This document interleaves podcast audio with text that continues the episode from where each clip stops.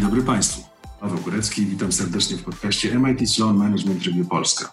Moim gościem jest Yves Pinio, profesor systemów informatycznych i zarządzania na Uniwersytecie w. Uznawany za jednego z najważniejszych współczesnych teoretyków biznesu. Razem ze swoim długoletnim współpracownikiem Aleksem Osterwalderem wydał właśnie książkę The Invincible Company.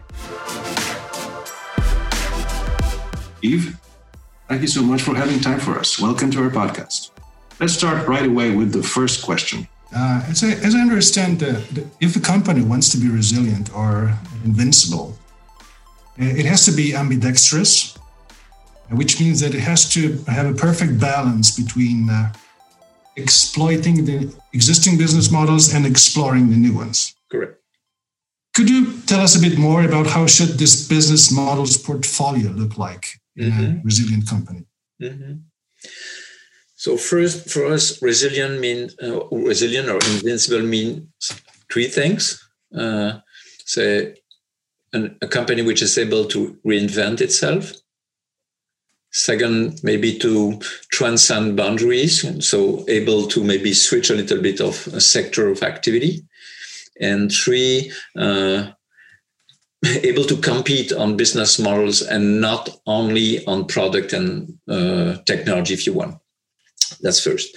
Second, uh, ambidextrous for us means uh, good in exploiting the current business models and exploring new business ideas, maybe to replace uh, some declining businesses you have under execution or exploitation.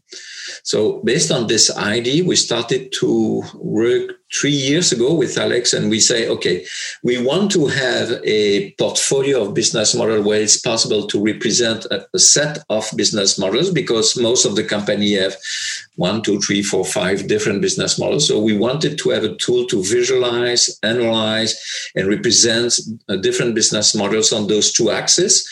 One is the return, and the other one is the uh, the risk, the potential risk or the disruption mm-hmm. risk. But very quickly we say one portfolio is not enough because there are two different logics, one for exploitation, one for exploration. That's the reason why we came with uh, this double uh, portfolio, if you want, and that we call the portfolio map with one portfolio, which is the exploitation or the exploit portfolio, where we can represent all the existing business model that you are currently executing or managing, or, and you try maybe to improve.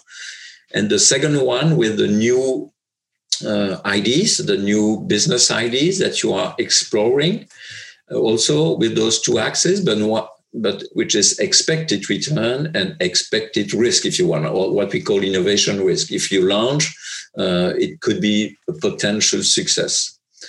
And the, there are very two different logic. In one, you try to improve. It's incremental transformation, if you want. And the other one is new businesses. And so new businesses means that you play a game which is very similar to the uh, startup because you try to design something and you try to test, test, test to reduce the risk before launching. So it's a kind of mix between designing based on the business model canvas and so on, and lean startups when you try to uh, hypotheses and experiments to reduce the risk. And I think that's the reason why we came with this uh, portfolio. So the big challenge is not only to have those uh, diverse business models, but also to manage them properly, right? Correct. So how should, how should it be done in this exploit and uh, explore departments? Respect? From the management point of view, you mean? Okay. Yes. Yeah. So for the first one, the exploit portfolio managing means traditional management techniques, if you want. So you try to uh, optimize to good uh, good marketing and so on. So you manage those business models because those business models brings the money so far. So this one is traditional management for me. What you can do is uh, you need to monitor those business models for the numbers means for the return it's quite easy because you have those numbers in your files for the risk means that you need to have a kind of assessment of this risk. And so we came with some grids that you can use for exploring the different uh, to, decompose the risk and trying to have an to have an objective uh, to reduce this risk. That's and based on this monitoring, you can try to improve some business models. Improve means that you can transform them, maybe change a little bit to be more, uh, to have higher return or uh, reduce risk. That's for one. For the other one, the game is completely different. And for me, it's not management in a way, it's entrepreneurship or intrapreneurship. So it means that you need to uh, explore the different business ideas with the mentality, with the mindset of an entrepreneur, if you want. That's a, yeah. what we call, even if it's an entrepreneur or innovator inside your company. But the game is really the same one. So it's a messy process at the beginning. You try to reduce the risk. Uh, you give some small investment at the beginning. And so you try to push more money inside those projects if you were able to reduce the risk. So it's two different mentality. I think in the business school, we are good in educating people for management and maybe less in entrepreneurship or intrapreneurship because uh, you need to be to accept the risk and the failure and so on. So it, I think it's a much more complicated discipline to uh, train people or to teach to students. But I think it's the two different things for me. Yeah, really two different things. Okay. And apart from having a business model portfolio and managing them, there is a third important thing. It's uh, the innovation culture. Yeah, yeah. So, I maybe just on management, still one word. Yes. Uh, if you have yes. those portfolio with both exploit, explore, you need to manage.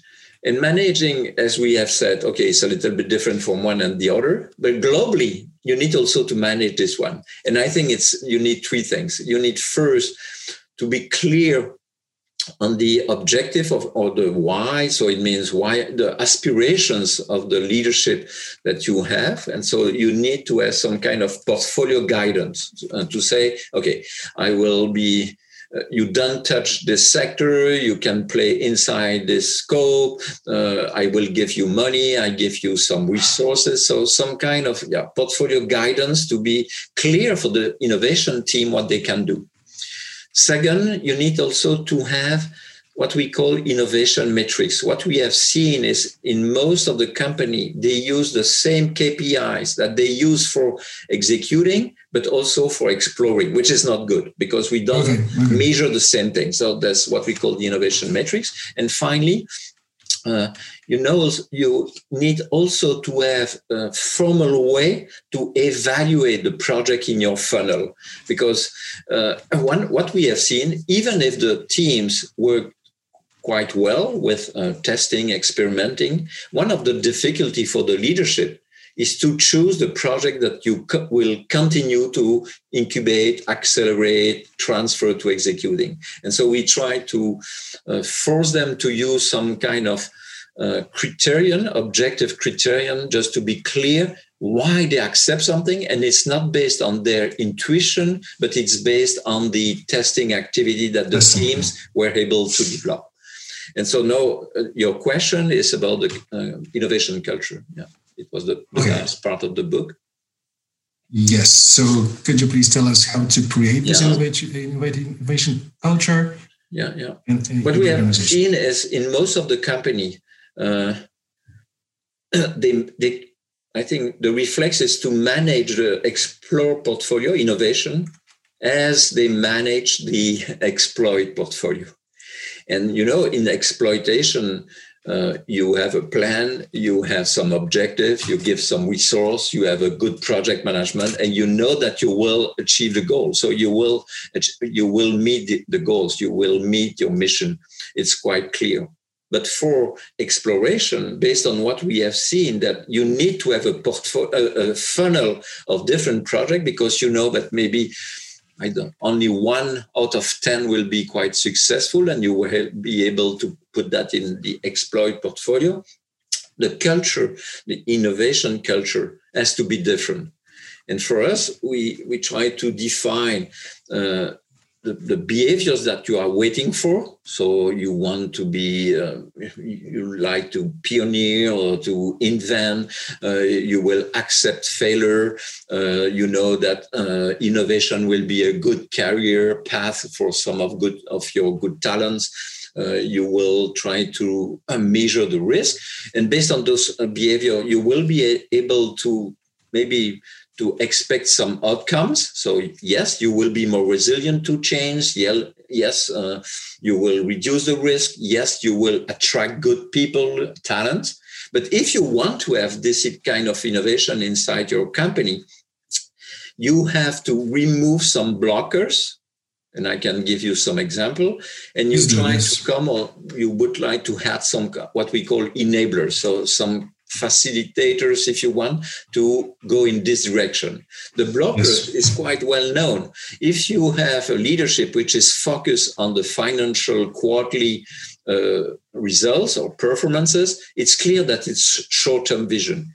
So if you want to have a little bit longer vision, because innovation is on midterm or long term, it's clear that you have to remove this kind of blocker. You need to accept that okay i will i will have my focus on those numbers but i will also try to have a long-term vision for my innovation uh, different uh, ventures it's one of them.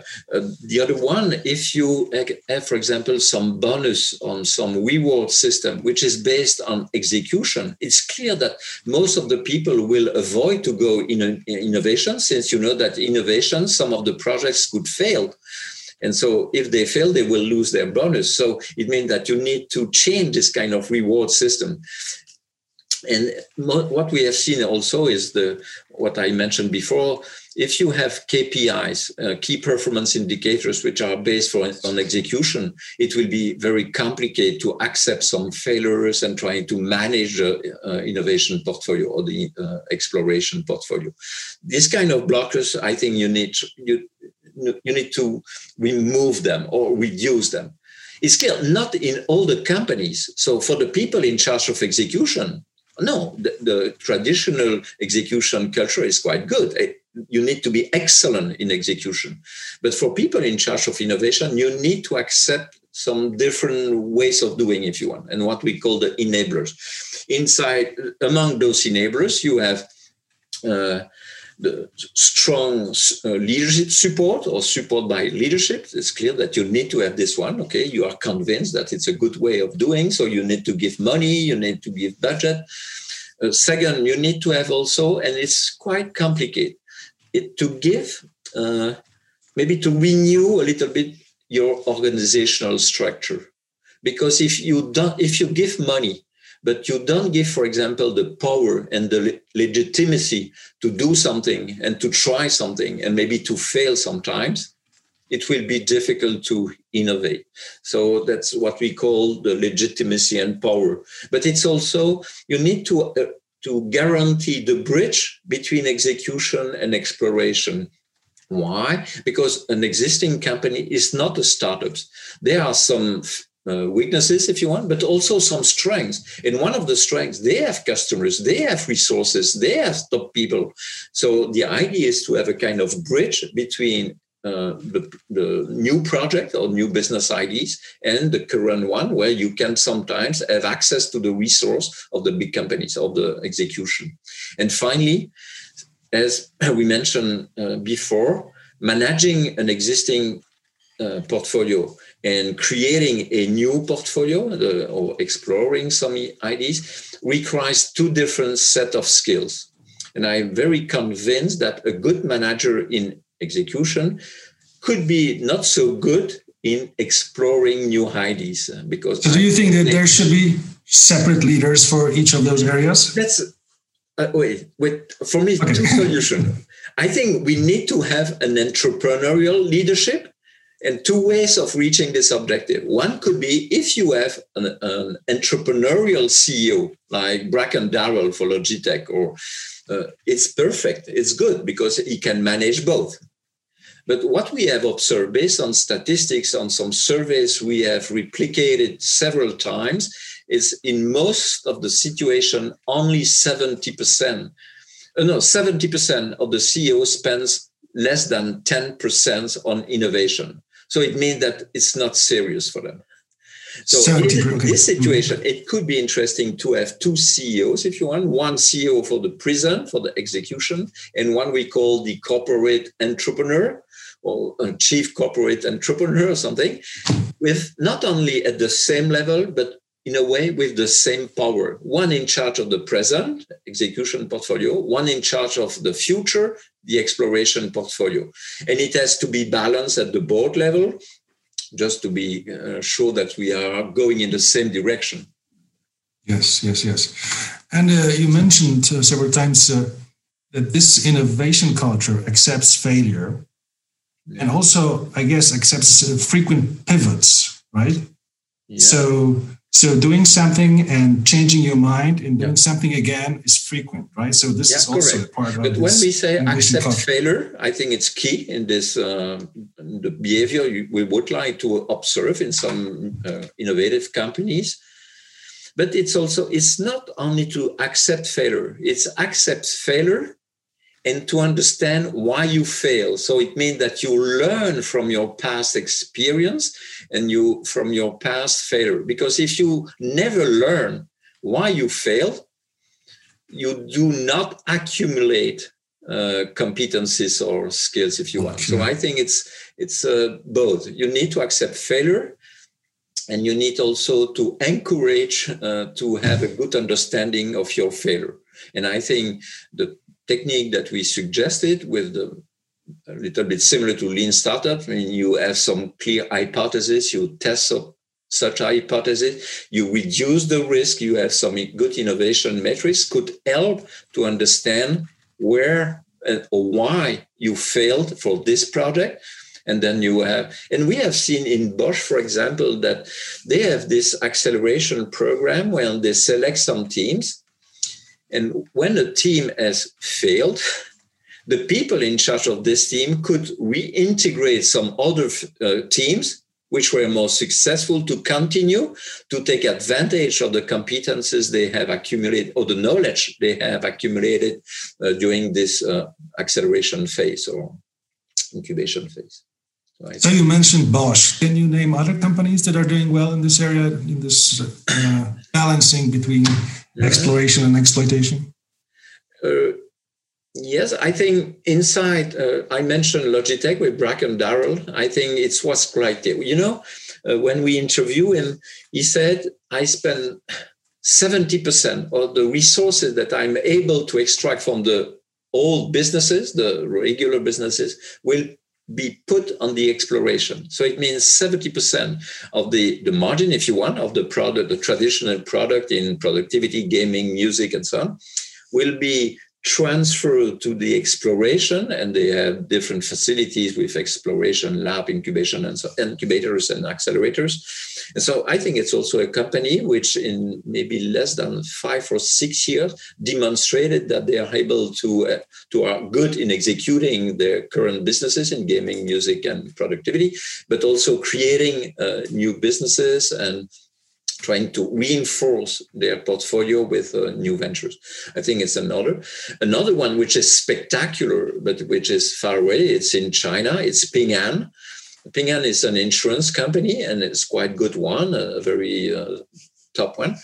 And they created uh, with Jessica Tan, co-CEO, by the way, uh, an, a real growth engine. So it means with an innovation portfolio, exploration portfolio, and they launch new ventures out of their traditional finance and insurance uh, sector, but in healthcare, in uh, fintech for their competitors, offering some service for their competitors in cloud and so on.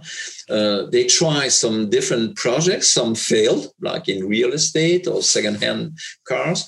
But is so spectacular that in less than 10 years, they were number 400 in the Fortune 500 uh, company. And now they are number 25, I think, on 28. And so with spectacular, and for example, their healthcare platform, uh, online healthcare platform, is the bigger in the world now. I think they have 300 million people paying a subscription to be on this platform.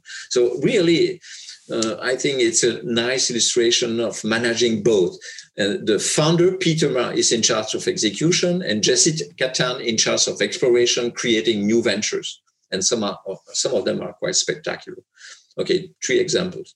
And these are quite big companies. What about smaller ones? This, this one is quite big. Logitech is medium, and what we we have also some small company. I think here Laurastar, uh, which manufacture and sell used to manufacture and sells irons, and uh, recently they tested different business models in their exploration portfolio, and they launched IGGI, which is a sanitizer, a purifier for removing virus. Yes, and, steamer, okay, right? yes, uh, it, I think it's also, really like it. it. This one is a small one. It's very, yeah. really small.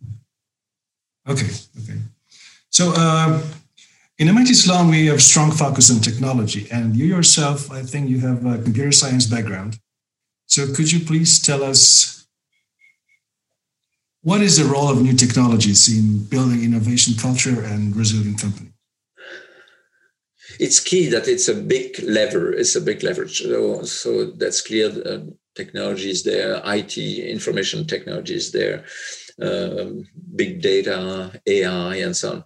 So I think it's clearly a leverage to go. I think it's not enough because if you focus on this one, you can uh, just manage incremental transformation. And so that's the reason why I say uh, among the different characteristics of the invincible company is you are able to compete on good business models, not only on technology, not only yes, on IT. Yes. And I think it's true.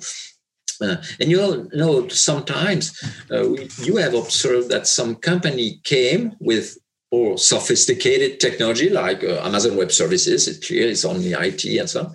But you have seen also Nintendo. They came with a, a, gaming console which is much less sophisticated than before. So I think, but they were able to create a business model around it, uh, which is quite good. So I think it's clearly a leverage to do something, but it has to be integrated in, um, I think, a more global way or of uh, seeing towards business, which is this business model things.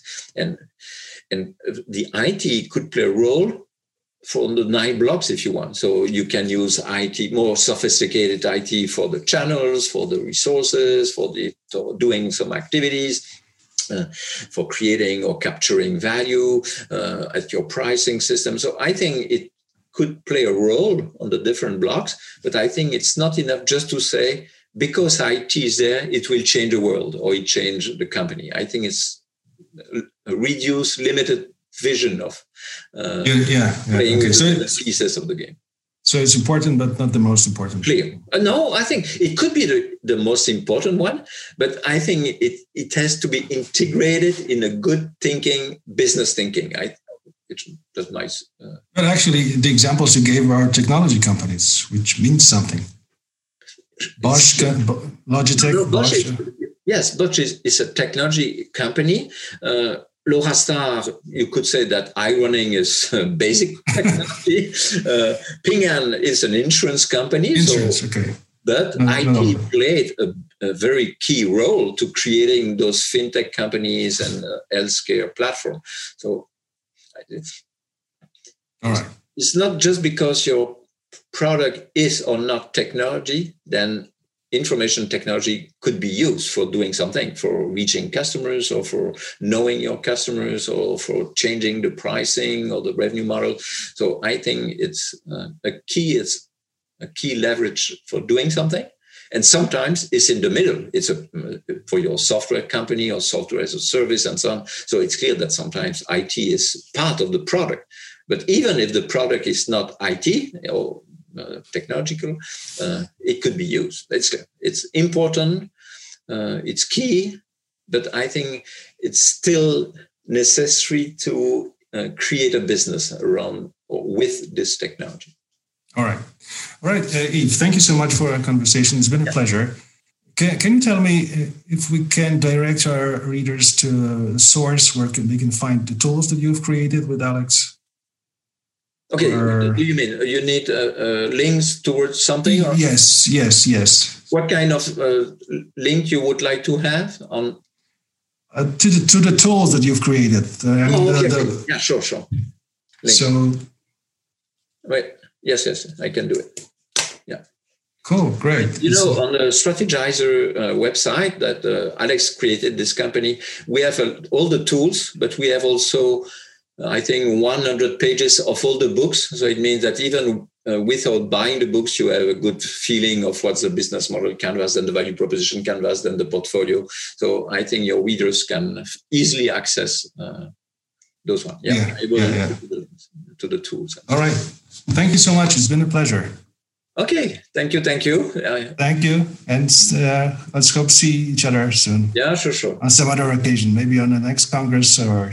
Yes, time. I hope, and, and no, I hope physically also because online Yes, is, yes, is fine yes, yes. to see the pictures, but it's always nice to meet people uh, physically. Exactly. Yeah. Thank you so much. Thank you very much. Bye bye.